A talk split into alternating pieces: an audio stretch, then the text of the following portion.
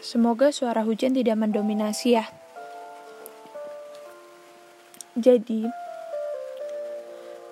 dulu banyak yang bilang fase di mana aku menangisinya itu ada hal yang bodoh yang aku lakukan.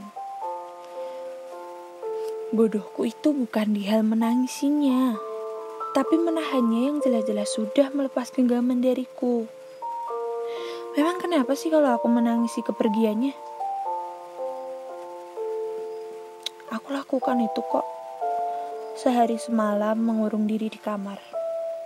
Tidak makan, tidak mandi, atau bahkan minum. Itu aku pernah mengalaminya. Tapi salah juga itu dianggap kebodohan.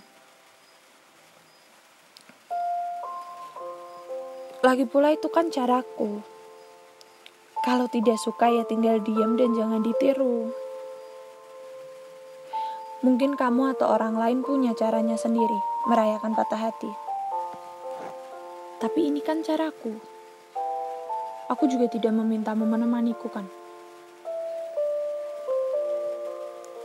Bahkan saat di mana aku putuskan untuk berteman sekaligus saat aku mengantarnya waktu itu.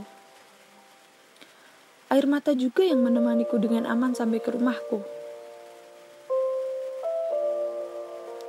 Karena aku emang maaf banget nih ya.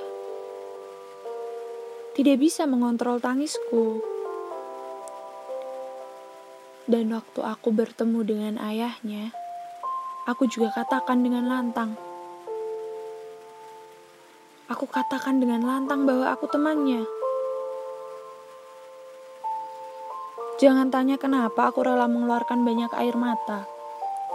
Jawabanku adalah karena aku tidak tahu harus bagaimana menghadapinya lagi. Aku tidak tahu waktu itu air matanya benar-benar untuk apa tidak. Hmm, mari anggap iya. Dan mari anggap aku yang terlalu percaya diri. Tapi yang jelas, waktu itu melihatnya menangis di hadapanku, itu membuatku menjadi ada rasa tanggung jawab untuk menghujaninya dengan rasa bahagia.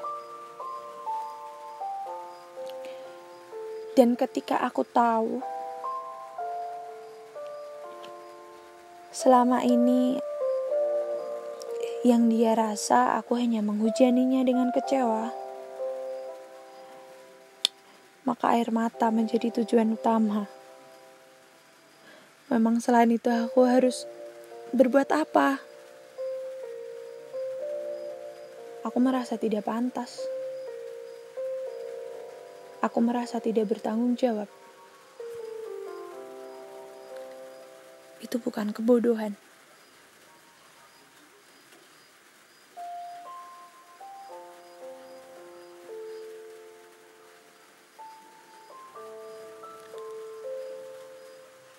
bodohku itu.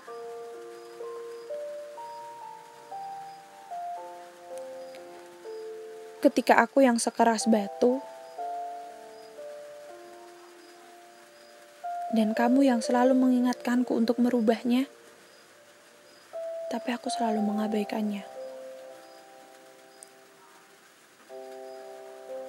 Bodoh.